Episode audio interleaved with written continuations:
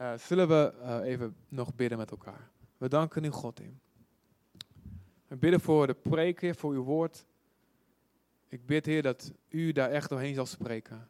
Wij bidden dat samen, Heer, dat u het ja, duidelijk wil praten tegen ons hart. In Jezus' naam. Amen. We gaan uh, naar uh, 2 Kronieken 18. En um, dat is een beetje een raar verhaal. En daar hou ik van, in de rare verhalen in de Bijbel. Als een verhaal heel logisch is en je snapt het meteen, ja, dan, um, ja, dat is ook leuk. Maar ik heb ontdekt vaak verhalen waarvoor je echt heel erg moet nadenken, wat, wat is dit nou? Daar zitten vaak waarheden in die, um, die heel belangrijk zijn. En God heeft heel goed nagedacht over de Bijbel. Over hoe hij zijn boodschap naar de mensen zal verpakken. Als je als God zijnde één boek naar de aarde kan sturen.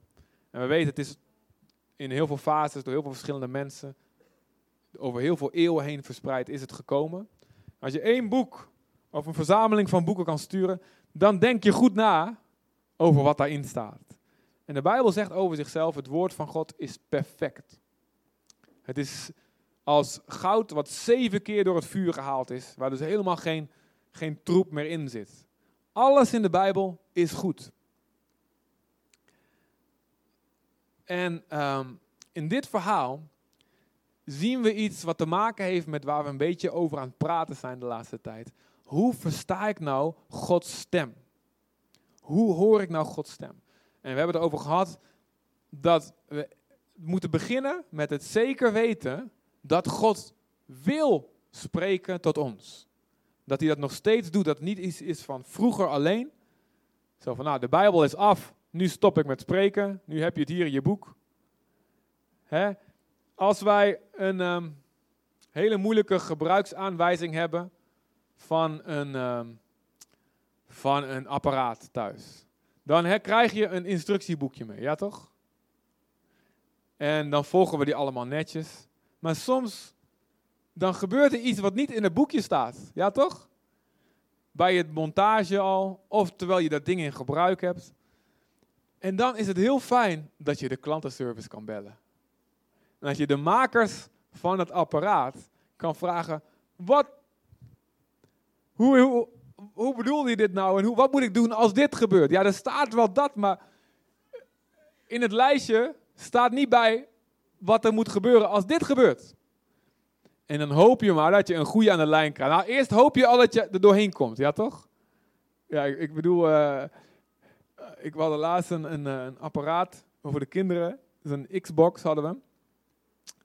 En uh, nou, de, de, als hij ging gewoon niet meer aan. Hij ging er niet meer aan. En uh, we hadden nog uh, garantie erop. Dus we dachten, oké, ja, bellen. Maar waarheen moeten we bellen?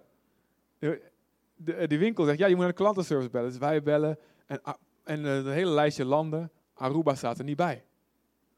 Echt alle raarste landen stonden erbij, waar, waar, ik nooit van gehoord had. En ik ken, ik heb vroeger ooit een keer de hele wereldkaart in mijn hoofd geleerd, toen ik klein was. Een rare tik van me.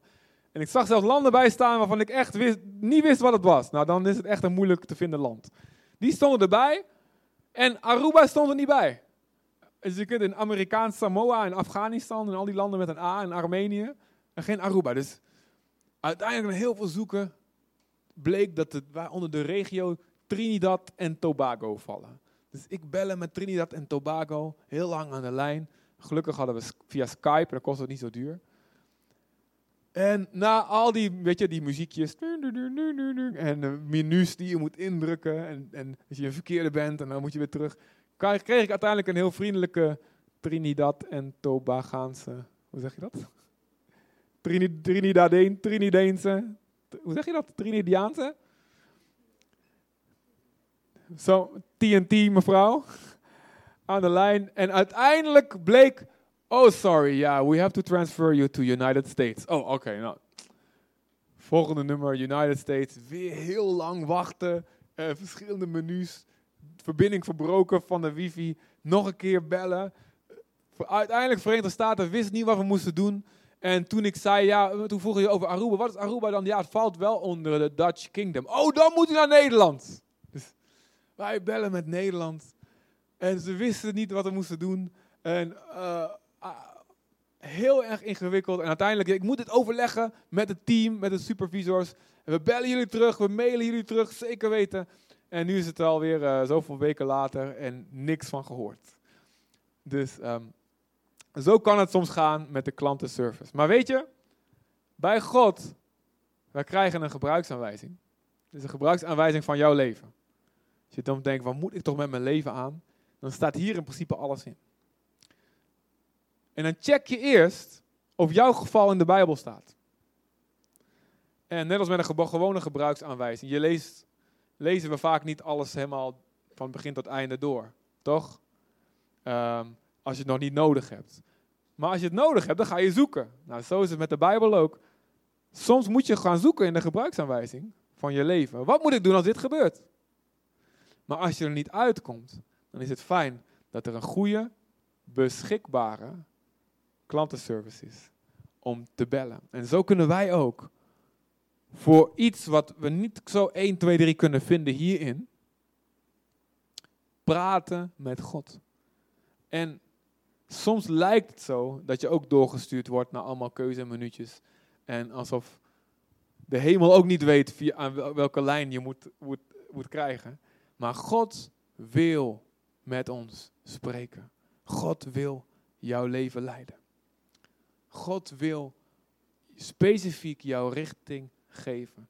Hij deed het in het Oude Testament, hij deed het in het Nieuwe Testament. En nergens staat dat God ermee gaat stoppen. Er staat nergens een tekst van, eh, als de Bijbel af is, stop ik met je lijden.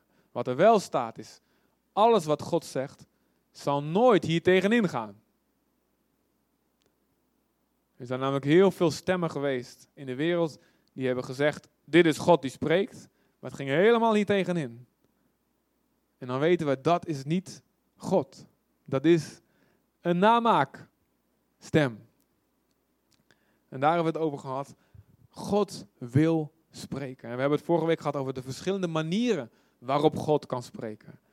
En uh, dat kun je allemaal naluisteren als je dat gemist hebt. Maar God spreekt op ontzettend veel manieren. Maar dit verhaal in uh, 2 Kronieken 18 daarin staat iets heel raars.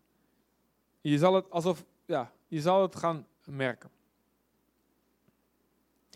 2 Kronieken 18 vers 1. Ja, we hebben normaal ook de tekst op de beamer, maar dat hebben we nou ook niet, dus ik zal heel duidelijk voorlezen. Jozefat, een goede koning, verwierf steeds meer rijkdom en roem. Hij is een koning van Juda het zuidelijke stuk van Israël. Israël is verdeeld in twee stukken, Zuid en Noord. Er is een burgeroorlog geweest en net als Noord- en Zuid-Korea had je Zuid- en Noord-Israël. En uh, het zuiden deed het beter dan het noorden. Het zuiden bleef langer trouw aan God en aan uh, Gods wetten dan het noorden. Jozefat was een goede koning van het zuiden. En hij was tegelijk koning met Agab, een super slechte koning uit het noorden. Die de verschrikkelijkste dingen deed. Ze allemaal beschreven in de Bijbel.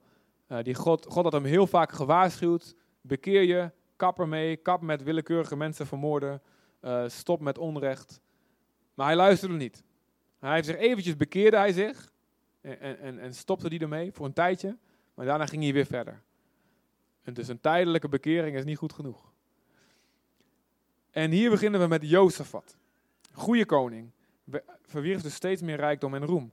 Door een huwelijk smeedde hij familiebanden met Agap.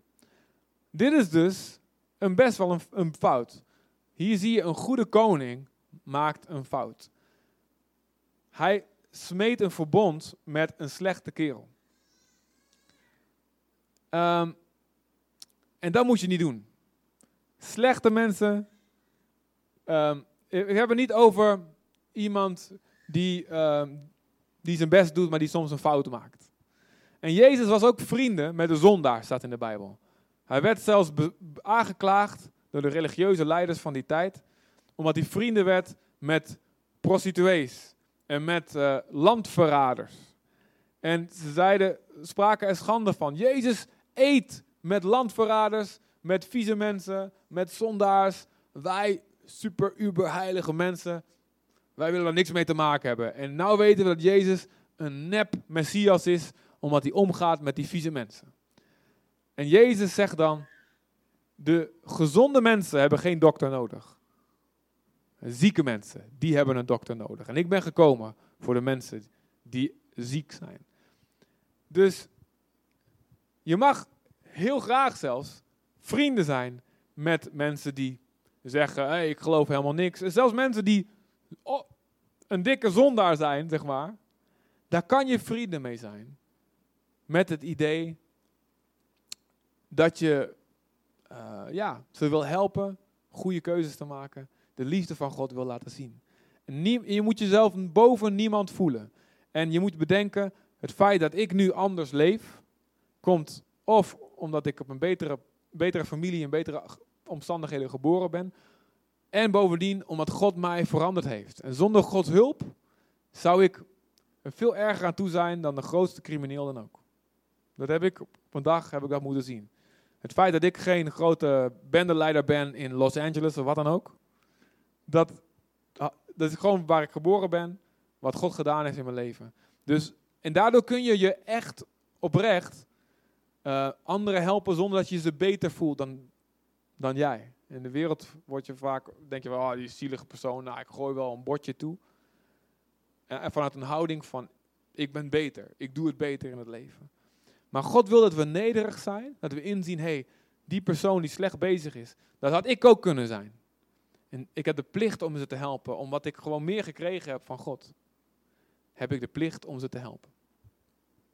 En zo kun je oprecht vrienden zijn met zondaars op een goede manier. Maar Agab was een ander verhaal. De Bijbel zegt namelijk aan de andere kant ook. Als de mensen na veel waarschuwingen niet willen luisteren naar wat God zegt, dan moet je niet met ze omgaan.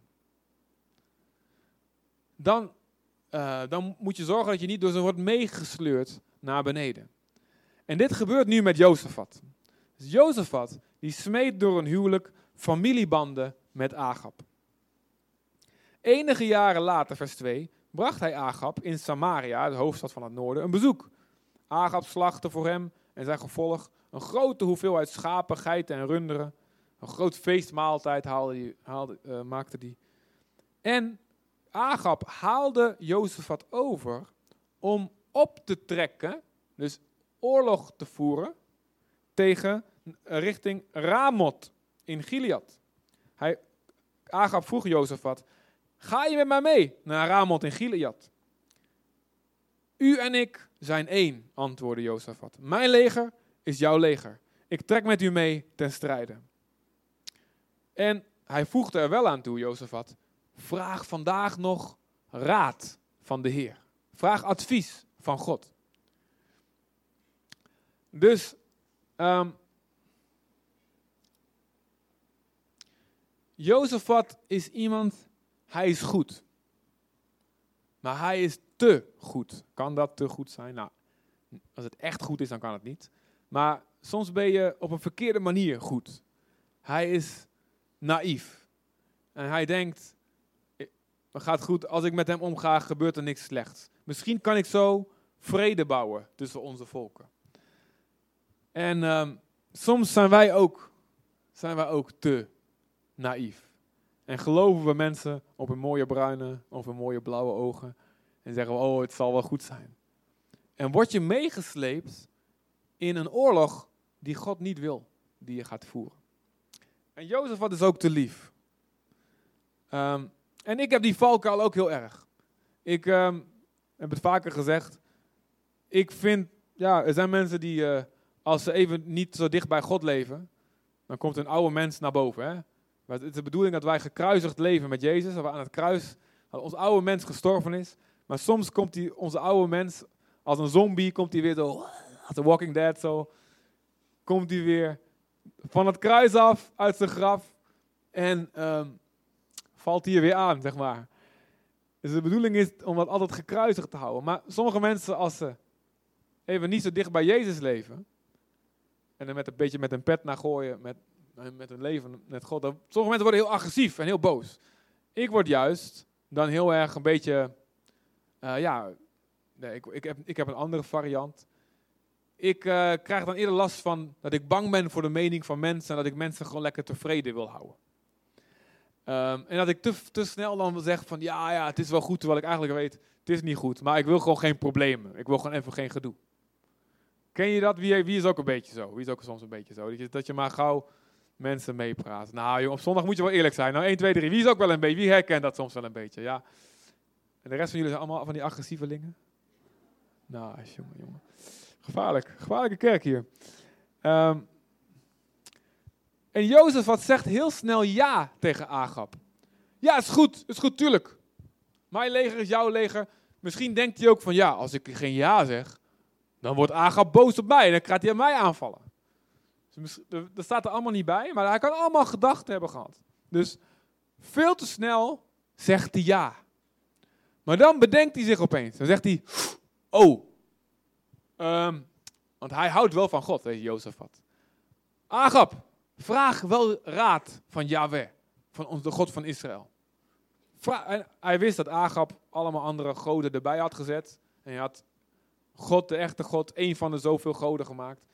Maar hij wist ook wel dat hij voor de vorm tenminste respect had voor de echte God van Israël. Dus zegt, weet je, zorg er wel voordat we gaan dat er advies van God komt. De, vers 5. De koning van Israël liet 400 profeten halen. En dat is ook wel interessant, hè? 400 profeten. Ik bedoel, waar haal je ze vandaan? Stonden die op een lijstje of zo? Had ze een WhatsApp-groep? Profeten, jongens, komen. weet je. Um, lijkt me grappig. 400 profeten van God op een rijtje. Ja, dan, als je wil weten hoe wat voor weer het morgen wordt, zeg maar, dan, dan zit je vast goed. Met 400, één daarvan moet het wel goed hebben. Ja, toch?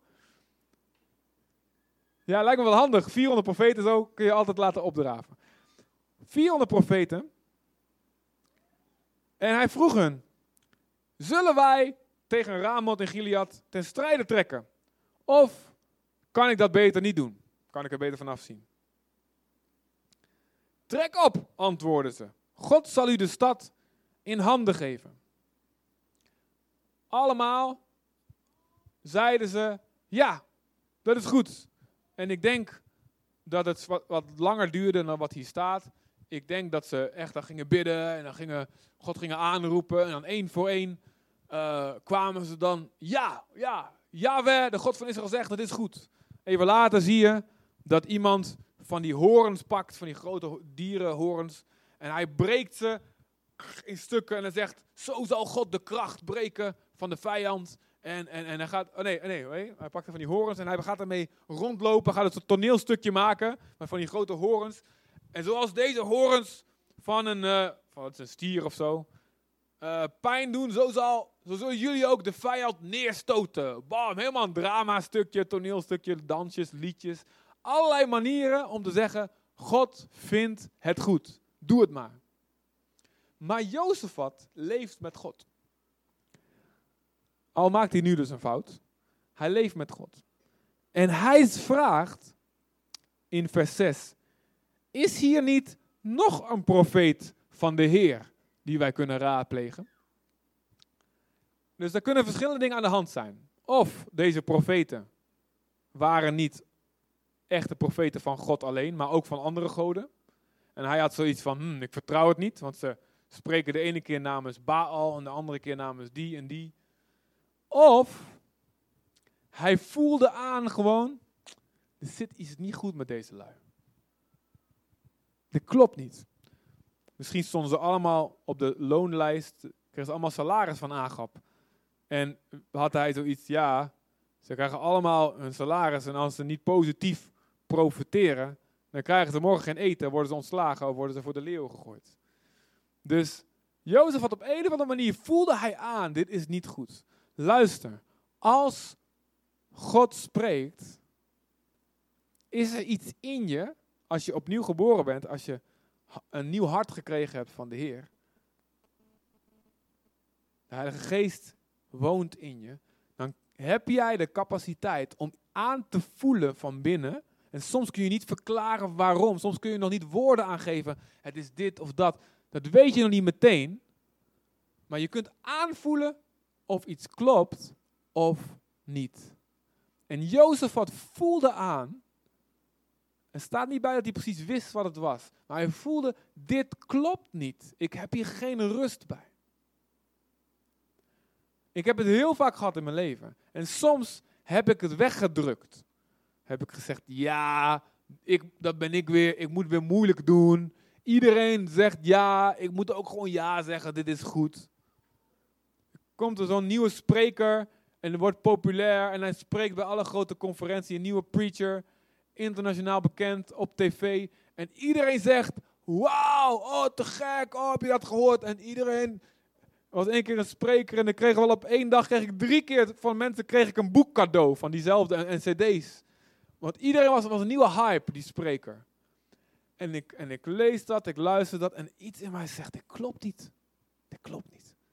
Maar dan wil ik niet de pret bederven. Dan denk ik, oh ja, waarom moet ik altijd zo moeilijk doen?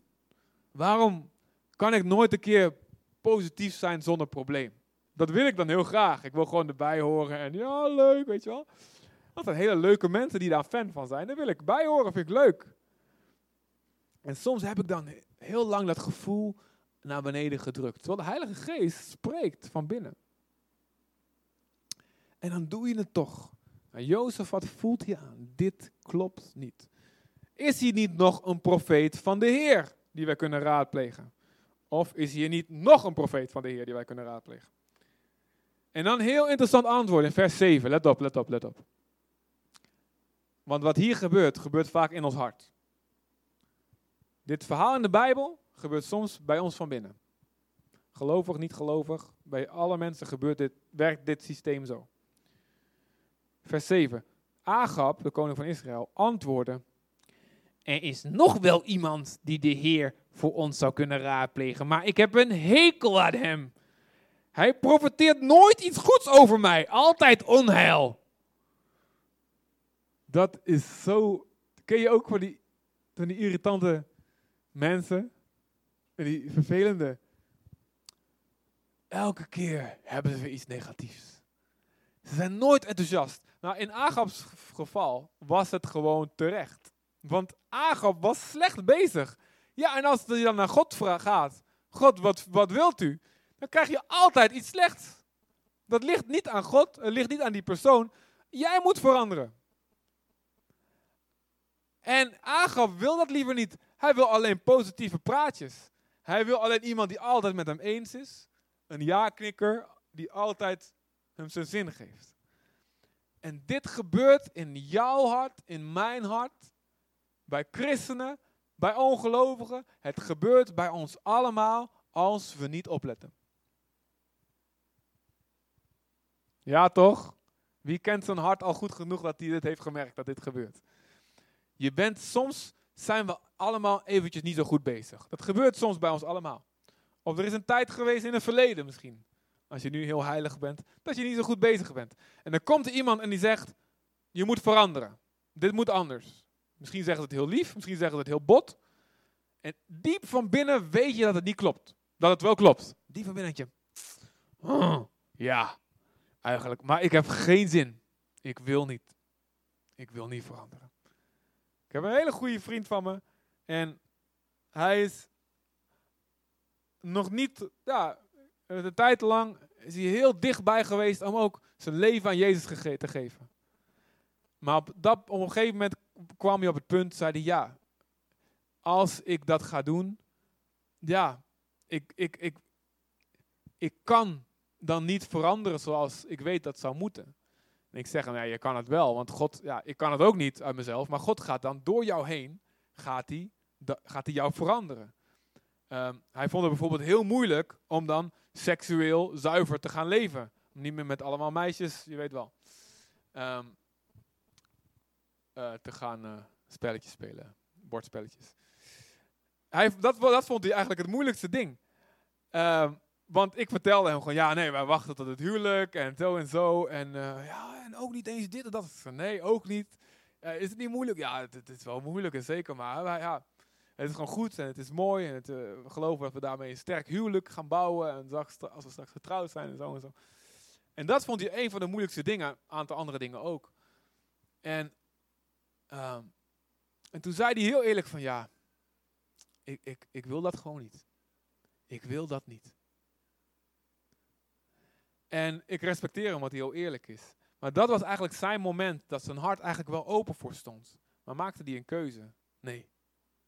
En nu is hij best wel een stuk verder weg van God. En ik weet niet of het ooit goed komt. En als de Bijbel gelijk heeft, dan zijn alleen zij die Jezus aannemen. Dat hij voor hun gestorven is. Dat, dat hij voor jou gestorven is en opgestaan. Alleen als je hem gelooft en volgt, alleen dan zul je ontsnappen aan het oordeel wat gaat komen over elk mens.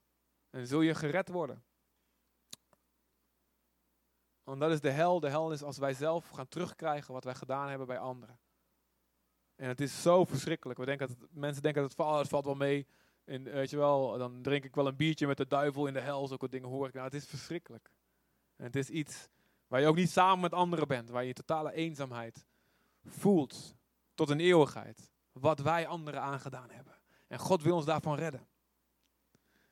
En, nou goed, deze jongen, die wist dus eigenlijk, ik ben niet goed bezig, maar ik wil hier gewoon niet naar luisteren. Ehm, en ik zelf ken dat ook. Soms wil ik gewoon iets blijven doen. Soms wil ik gewoon een bepaalde gewoonte vasthouden. Of soms wil ik gewoon misschien niet eens een zonde vasthouden, maar mijn comfortabele leventje vasthouden. Iets wat ik makkelijk vind. En dan ga ik uit mezelf op zoek. Misschien kan ik voor de vorm dan God raadplegen. Maar zeg ik van, van binnen, zeg ik nooit van buiten natuurlijk, want dat staat niet zo heilig. Van binnen zeg ik, ik wil alleen dit antwoord. Dat is wat Agap hier doet. Ik haal die profeten niet eens meer bij, want ik weet dat hij, ik wil alleen iemand die mij zegt wat ik wil horen. In de Bijbel staat, 2 Timotheus 4, vers 3. Er komt een tijd, zegt Paulus daar, dat mensen de gezonde leer, de gezonde doctrine, niet meer zullen verdragen. Maar dat de mensen zullen zoeken wat hun gehoor streelt of kietelt. Oké, pak allemaal, doe allemaal eventjes je vinger zo. Even vinger omhoog, allemaal. En kietel even heel zachtjes iemands oor die naast je zit. Niet van jezelf, nee, je buurman, buurvrouw. Ja, doe maar allemaal. Kietel even elkaars oor, ja. Even doorgaan jongens, ja, dat kietelt hè. Soms doe ik van die flauwe dingen en dan denk je, waarom doet hij dat?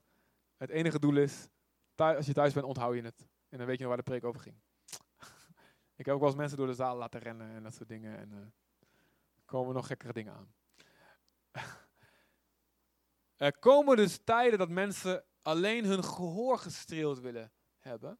Alleen iets moois willen horen wat ze graag willen horen. En dat ze voor zichzelf leraars zullen verzamelen overeenkomstig hun eigen verlangens of begeertes. Er komt een tijd dat mensen niet meer de waarheid willen horen, maar dat ze alleen maar leraars en predikers misschien van het woord van God zelfs willen hebben, die hun zeggen wat ze willen horen. Er was een keer een echtpaar en die wilde gaan trouwen. En wij voelden om meerdere redenen dat het niet oké was. Uh, het is te lang verhaal om uit te leggen, maar het was heel, voor ons eigenlijk heel duidelijk, dit is niet goed. Zij, um, zij dit, dit, dit, is, dit is niet van God. Dat zeg ik niet heel gauw. Ik denk bij, ja, meestal blijf je daar vanaf.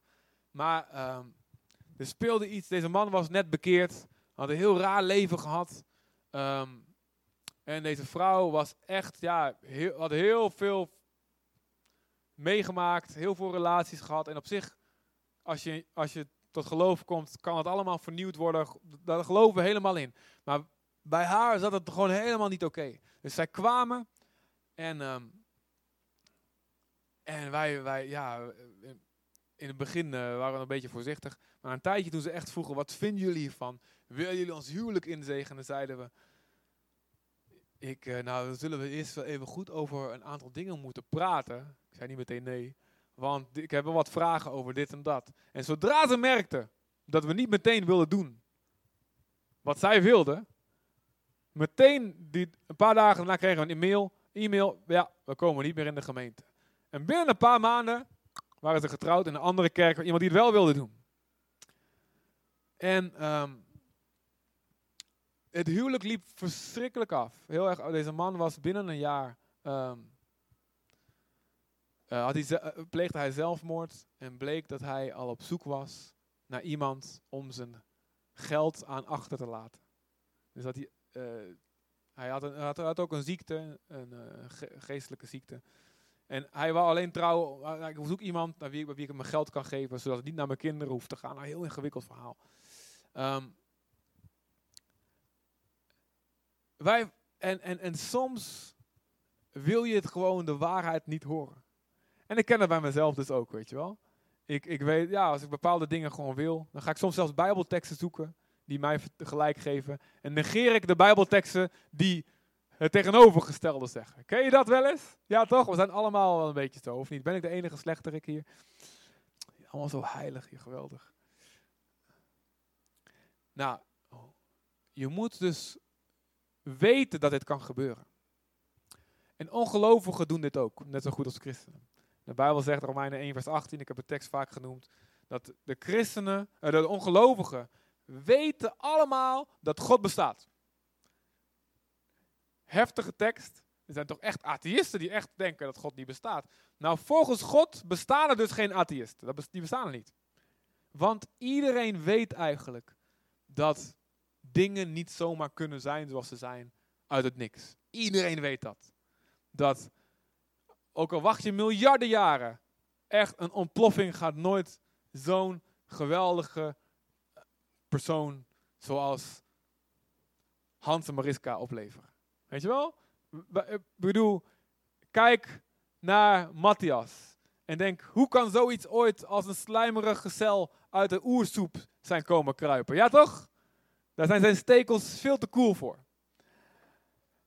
Iedereen weet dat het, dat, dat het een wonder is dat we bestaan en dat deze wereld bestaat. Maar ze drukken de waarheid die ze zien in een onrecht naar beneden. Ze, druk, ze drukken dat weg, ze willen het niet horen. En dan gaan ze de mensen die die waarheid vertellen belachelijk maken. Zodat ze daar niet uh, uh, in mee hoeven te gaan. Johannes 3, vers 19 zegt het zo.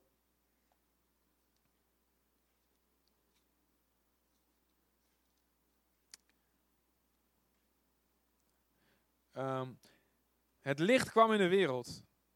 Jezus.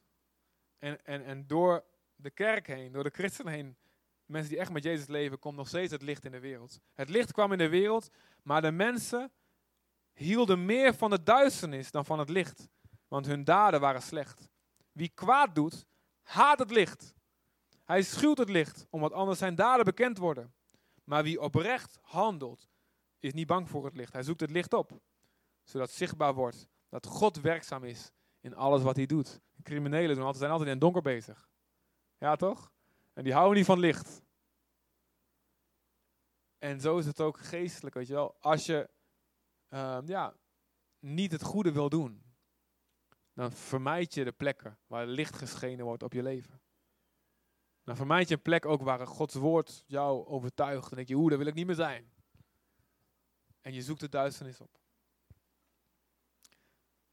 Dit kan dus iedereen overkomen. En wat we dus moeten doen is waken over ons hart. Nou, Agap wilde niet luisteren. En um, dan zegt hier, de tekst zegt het volgende. Um, twee kronieken, waren we? 18. De koning van, um, ik heb een hekel aan hem, hij profiteert nooit goeds over mij. Altijd onheil. Dat is Micha. In vers 7. En Jozef zegt, zeg dat toch niet. En ze laten hem komen. En eerst zegt Micha als eerste, zegt, ja het is goed. Trek maar, trek maar ten strijde. Voer maar oorlog.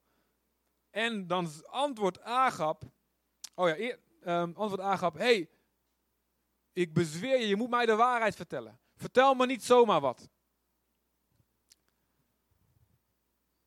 En daarvoor hadden de mensen die, die Micha gingen halen, die zei al, joh, let erop, 400 profeten voor jou hebben al, hebben al ja gezegd. Dus zorg ervoor dat jij ook ja zegt, oké? Die druk werd meteen erop gelegd. En soms is die druk om met anderen mee te gaan heel groot, om iets te doen wat eigenlijk niet klopt. En zo kun je dus de stem van God missen, als je voelt, iedereen doet het. Terwijl jij van binnen weet, het is niet oké. En als je daarin meegaat, dan mis je dus Gods stem, mis je dus een afslag voor je leven. En dat kan hele grote gevolgen hebben. Nou, Micha zegt dus eerst, zegt hij, ja, het is goed. Voer maar oorlog. Maar dan zegt Agab, lieg niet tegen mij. Hij ziet dus op een of andere manier, misschien zegt Micha het heel sarcastisch of ironisch, cynisch, wordt heel erg. Wat, is, wat heeft God echt tegen jou gezegd? En dan zegt um, zegt Micha dit. Hij zegt eerst, Agab, jij gaat dood. Zegt hij via een verhaaltje. En dan zegt hij dit ook nog erbij. In vers 18. Ik zag de Heer op zijn troon zitten. En aan beide kanten van hem stonden alle hemelse machten opgesteld. Engelen, demonen stonden bij de troon van God. Kan dat? Laat, als in de Bijbel hierover gesproken wordt, Dan vertaalt God altijd de geestelijke realiteit naar een taal die wij kunnen begrijpen. Omdat wij het, de echte substantie ervan kunnen wij niet begrijpen, omdat wij zijn, wij kennen niet, wij, weten niet hoe het werkt. Dus God vertaalt het altijd. Is er letterlijk ergens een troon, weet je wel, bij Jupiter, de tweede maan linksaf en dan drie graden naar beneden. Uh, en daar een gat graven in de maan, daar staat de troon van God? Nee. Heeft God troon een fysieke locatie? Ik denk van niet. Maar het is wel een reële plek. Maar zonder een locatie zoals wij het kennen. Dus God vertaalt zijn wereld naar onze woorden. Dus God zit op zijn troon, zegt Micha. En zonder al die machten stonden daarbij. Engelen en demonen. En dan vraagt de Heer, wie gaat koning van Agab van Israël overhalen om tegen Ramoth in Gilead ten strijde te trekken, zodat hij doodgaat, zijn ondergang tegemoet. Dus God wil Agab doden. Hoe kan het nou? God is een liefdevolle God. Agab heeft veel kansen gehad om zich te bekeren. God houdt van Agab. Maar als iemand op een gegeven moment echt niet wil luisteren, dan moet God ingrijpen, omdat het kwaad wat hij verspreidt erg wordt. En dan zegt God: Oké, jij wil niet luisteren. Nu moet ik mijn liefde voor de anderen in actie laten komen. De mensen die lijden door jouw slechtheid. En nu moet ik een einde aan jou maken. Dus ja, zeker. God oordeelt. God, wij mogen niet doden, maar God doet het wel. En dan, alsof God dus op zoek is naar een plan om Agab te doden. En dan staat er, de een zei dit en de ander zei dat. Dus God vertaalt het naar een soort, iets wat wij kennen. Dat ze gaan overleggen, hoe kunnen we dat doen? Hoe kunnen we dat doen? En dan Ten, slotte, vers 20, trad een van de geesten op de Heer toe en zei: Ik zal hem overhalen. Ja, een beetje zo'n geestenstem, moet ik even erbij doen. Hè? Hoe wil je dat doen? vroeg de Heer. Ik zal naar hem toe gaan en leugens spreken door de mond van al zijn profeten, zei de geest. Doe dat, zei de Heer. Het zal je beslist lukken. Wel nu, zo heeft de Heer in de mond van deze profeten van u leugens gelegd. En God heeft het juist slecht met u voor. Nou, een heel apart verhaal dus. Dat het dus zo kan zijn als iemand echt alleen maar één kant op wil. En zijn oren dicht houdt voor de waarheid. Dan ga je dus aan alle kanten. Dan lijkt het alsof je bevestigd wordt in dat slechte. God wil dat wij ons hart bewaren. En dat we bereid zijn um, de waarheid te horen, ook als het ons niet goed uitkomt. En dit is belangrijk. Wil jij weten wat je moet doen met je leven? Welke baan? Welk, uh, welk huis moet ik gaan wonen? Welke vrienden moet ik wel of niet hebben? Welke relatie moet ik wel of niet aangaan? Welke stappen moet ik wel of niet zetten? Hoe moet ik mijn geld wel of niet besteden? Hoe moet ik reageren hierop? Ehm, hoe moet ik dit zien in de Bijbel? Elk, elk ding waar je een keuze over moet maken. Het is heel simpel. geef God toestemming alles te zeggen. Ook als het je niet goed uitkomt. Toen ik God vroeg, als u echt bestaat, toen ik 18 was, laat me zien dat u er bent. Toen zei ik ook, als u er echt bent, dan ga ik ook doen wat u zegt. Nou, dat heb ik gezegd. Want dat kwam me op dat moment niet goed uit. Ik eh, had, wist dat er veel dingen in mijn leven waren waarschijnlijk die moesten veranderen. Maar ik was bereid het te doen. En zo de rest van ons leven eigenlijk zijn we verder gegaan. Als jij je laat leiden door, als jij zegt van ik zoek Gods wil, maar het mag me geen geld kosten. Ik wil wel dat mijn spaargeld blijft staan. God, u mag zeggen wat u wil, maar mijn spaargeld blijft u af. Daar heb ik hard voor gewerkt. Dan ga jij waarschijnlijk Gods stem missen. Niet dat God per se altijd je spaargeld wil hebben en dat je het moet weggeven aan de armen. Niet altijd, soms wel. Maar als je van tevoren al zegt, dat mag niet, ga je Gods stem niet verstaan. Als je zegt, God, ik wil doen wat u zegt, maar wel, ik wil wel zelf kiezen of ik op Aruba blijf, of ik naar Nederland ga, of, of naar Amerika. Ik wil wel bepalen waar ik woon. Dan ga je Gods stem niet verstaan. Als jij zegt, God, ik wil wel doen wat u zegt, maar ik wil wel een vast salaris houden. Ik wil wel zekerheid houden. Dus van tevoren zeg je al, dat is een no-go area voor Jezus. Ga je Gods stem en Gods leiding voor je leven waarschijnlijk missen. Hey, God heeft geduld. Hij geeft je altijd een nieuwe kans. Weet je wel, allemaal hebben we dit gedaan in ons leven. Maar wil jij echt je doel bereiken, dan moet je als het ware bereid zijn elke Isaac op het altaar te leggen. Alles toestaan. God mag alles zeggen.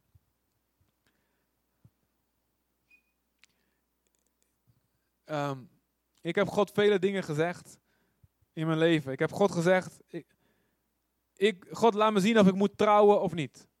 Het verhaal kennen jullie, ik vertel het gewoon nog een keer, maakt niet uit. God, moet ik trouwen of niet? En als u wil dat ik alleen blijf de rest van mijn leven, omdat ik dan meer voor u kan doen, dan vond ik heel moeilijk te zeggen. Dan zei ik, ik ben bereid. En binnen twee weken kwam iemand onze kerk binnen en die, die, die, keek, die keek me aan en die zei, God wil niet dat je alleen blijft. Nou, ik had niemand al verteld, niemand wist het, dus ik wist, oké, ik moet trouwen. Dat is goed voor God ook, niet alleen voor mij, het is ook goed voor Gods werk. Uh, maar ik was ook bereid om alleen te blijven. Om zeg maar een monnik zo. Uh, ik zei tegen God op een ochtend: God, ik ben bereid alles te doen. Zeg het maar wat u wil. Wat u ook wil, ik doe het. Als er iets is tussen mij en u, en dan zegt God: Oké, ga maar naar die toe die je belazerd hebt, vergeving vragen. En toen wist ik, ja, ik zei net, ik ben bereid alles te doen. Dan moet ik het ook echt doen. God, ik ben bereid u alles te geven. Uh, ja, en um, ik heb, ja, nee, even, ik sla wat dingetjes over. Allemaal veel te lang, veel te veel. Dan zat ik me allemaal verhalen kwijt. Beetje, um, ja, en toen, zeiden, toen wij zeiden, God, we zijn bereid om overal te gaan waar u me stuurt. Nou, toen was het eerst dus, um, wij wouden eigenlijk in het begin naar het buitenland. Wij wouden vanuit uh, David, dachten van ja, ik zat te denken, ik wil misschien naar Amerika. Lijkt me leuk. Uh, daar een bijbelschool volgen. En ik kende wat, wat, contacten in Texas. En, uh, en toen sprak God, ga naar Zutphen. Heel lang verhaal. Maar Zutphen was wat anders dan Amerika. Zutphen is een, klein, een kleinere stad. Ik dacht, ik ga naar een grote plek, weet je, New York of zoiets. En toen moest je in plaats van een grote stad, wat ik graag wilde, moesten we naar een kleine stad. Maar God sprak. En zo leidde God ons. En het hele verhaal van hier naar Aruba gaan. Eh, hetzelfde verhaal. Ehm, het bereid zijn om risico's te nemen. Het dat God alles mag doen. Ik weet nog wel een keer dat, dat iemand ook zei tegen me, Christian, je krijgt nu vast salaris van de kerk. Dat was Eddie Bakker, die hier ook geweest is. En die waren net ingezegend in Zutphen en ik kreeg een vast salaris van de kerk. Yeah, weet je wel, financiële zekerheid. En toen zei hij tegen mij, e-, Eddie Bakker zei, ja, het is heel goed dat je dat hebt, maar je moet ook bereid zijn op een dag het los te laten. En als God je zegt, ga daarheen zonder salaris, moet je ook bereid zijn. En ik zei nog van ja, ik, ik meen het ook echt, ik, ik wil dat ook wel. Ik, ik wil echt altijd bereid zijn alles te doen. Maar ik weet nog van binnen dat ik echt dacht van, ik hoop niet dat God ooit gaat vragen van me. En toen dat eenmaal wel gebeurde, acht jaar later, was ik er klaar voor. God vraagt ook niet echt niet in één keer, meteen alles. Maar waar het om gaat is, ben je bereid risico's te nemen? Jezus zegt, als je achter mij wil komen, moet je sterven aan jezelf. Je moet gekruisigd zijn aan jezelf. En leven alleen voor Hem. Je moet bereid zijn. Ik zeg ook elke, elke dienst, zei ik, oké God, ik ben bereid om dingen anders te doen. Laat het maar gebeuren wat u wil. Nou, dan valt de beamer uit, weet je wel. Maar, en dan gaan dingen anders. Maar ik zeg ook, Heer God, ik wil echt dat u maximaal werkt in elke kerkdienst. Dat niet gewoon een programmaatje afdraaien is. Ik wil dat echt de mensen bereikt worden die u wilt bereiken. Dat er gewoon uw kracht te voelen is. En dan gaat God ook dingen zeggen. En ik weet nog één keertje, heel apart voorbeeld. En voelde ik dat God zei tijdens de preek. Oké, ik wil dat je een omgekeerde collecte gaat doen. Ik wil dat je mensen uh, gaat vragen um, om geld te brengen. Mensen die geld over hebben, om het te brengen. En daarna mensen die het moeilijk hebben, het mogen ophalen. Gewoon uit de collecteband halen.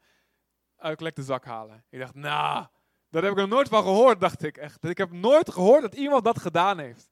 En ja, we waren in de, wel een beetje gewend soms dat dingen anders liepen. Eh, in de kerk, omdat we voelen dat de Heilige Geest zegt, je moet nu deze kant uit. Maar dit hadden we ook nog nooit gedaan. En ik zat echt te twijfelen. Ik zat echt van, nou god, ik wil dat niet doen. Ik wil het doen. Ik wil het gewoon niet.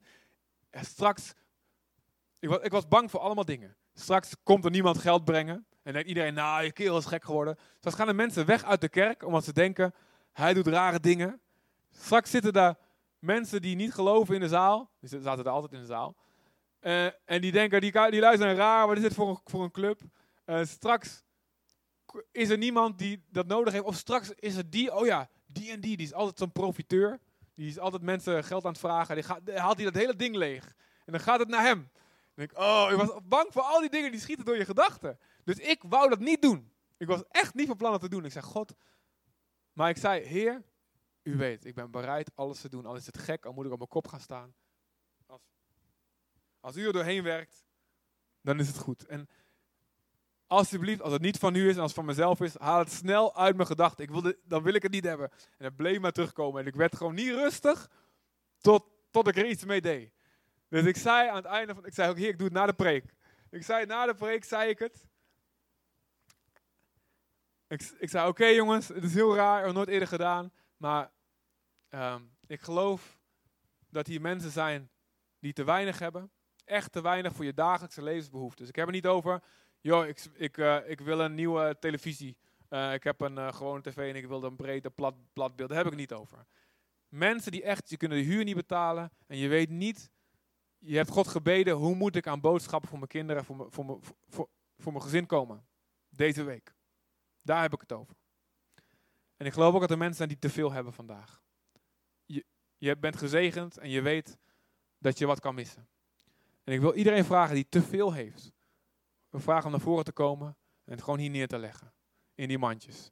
En dan na de dienst, als iedereen naar de koffie is en niemand kijkt meer, dan mogen die mensen die echt moeite, niet weten hoe ze de huur moeten betalen en hoe ze aan hun eten moeten komen, mogen ze naar voren komen.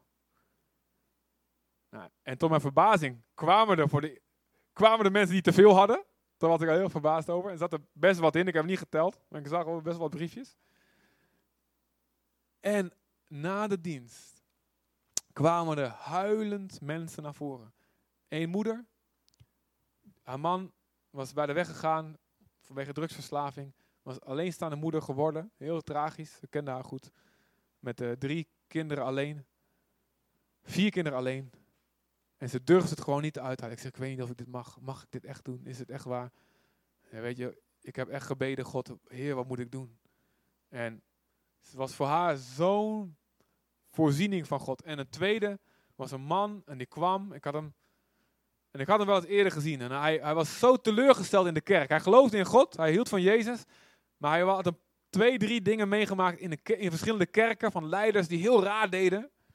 Gebeurt wel eens. Ik niet hoor. Nog niet. leiders die heel raar deden, dictators werden en zo. En hij zei, ik geloof niet meer in de kerk. Ik bid wel thuis, ik lees de Bijbel wel thuis. Wat de Bijbel zegt, ja, wat er ook gebeurt, weet je wel, verzuim je samenkomsten niet. God wil, hoe on- onvolmaakt de kerk ook is, God wil de kerk gebruiken voor je leven. En je mist wat als je het niet bent. En hij, hij, hij was, kwam maar af en toe, hij kwam één keer in de zoveel maanden kwam hij, om eens te kijken. En toen hij kwam met een baby eh, op zijn arm naar voren, hij tranen over zijn wangen. Zo'n brede kerel, zo groot was hij. En hij zei, van de week was ik aan het bidden, ik wist echt niet hoe ik mijn huur moest betalen. En we hadden echt helemaal, we hij leefde echt voor niks, was de baan kwijtgeraakt. En ik zei, God, wat moet ik doen? En God zei tegen mij, ik voel dat God tegen mijn gebed, ga zondag naar de kerk. En, en toen dit gebeurde, nou ten eerste wist hij, God zorgt voor me. En ten tweede wist hij ook, ik moet in de kerk zijn.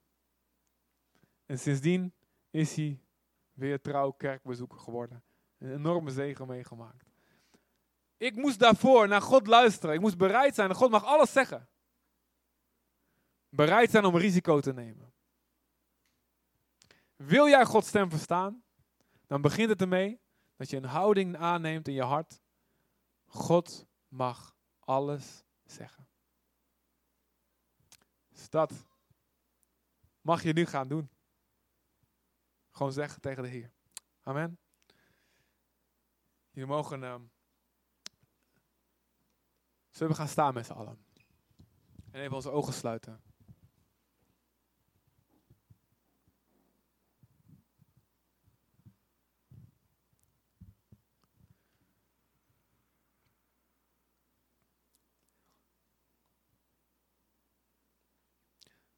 In de Bijbel staat een psalm ehm, en erin staat: God roept het uit. O luisterde mijn volk maar in alles naar mijn stem. Dan zou ik hun vijanden zo snel, zo spoedig vernietigen. Als ze maar in alles naar mij zouden luisteren. Het bekeren van de wereld is geen probleem voor God. Het overwinnen van jouw vijanden, problemen in je leven, is geen probleem voor God. Het verhoren van jouw gebeden is geen probleem voor God. Het genezen van je hart, het genezen van je financiën, het genezen van je huwelijk, het genezen van je lichaam. Het gezond maken van dingen die niet goed zijn. In jouw leven of bij mensen om je heen. Het groeien van deze kerk is geen probleem voor God. Het bereiken van de miljoenen die nog op weg zijn naar de hel is geen probleem voor God. Als wij maar in alles naar zijn stem zouden luisteren. En daarom, Vader, willen wij u alles geven. Wij vertrouwen u dat u niks te moeilijks van ons zal vragen. Maar we weten wel dat u ons gaat uitdagen. Onze grenzen gaat oprekken. Grenzen gaat verleggen. Wij willen u ons leven geven. En u mag alles zeggen wat u wil. We geven u onze tijd. We willen niet meer zeggen, God, we willen uw stem verstaan, maar we willen, het mag geen tijd kosten. En ik heb al mijn agenda vol. Dan wil je vragen heel bewust je tijd, je agenda aan God te geven. Heer, als dingen anders moeten. Als dingen anders moet plannen in mijn week of in mijn dag. Of in mijn jaren. Geef God je agenda. Zeg het maar tegen hem.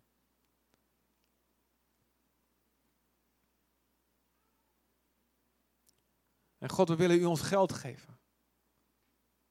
We willen niet meer zeggen dat spaargeld, daar blijft u vanaf. We willen niet meer zeggen dat vaste salaris, daar blijft u vanaf. U mag alles doen, Heer. Wij weten dat u niet zomaar alles afpakt. Maar we willen wel bereid zijn. Laat er geen afgod in ons leven zijn. We willen u ons lichaam geven. Onze gedachten geven. Onze relaties geven. Onze vriendschappen. Onze gezinnen. En om uw stem te verstaan, willen we alles wat, boven, wat we boven u gesteld hebben, afleggen.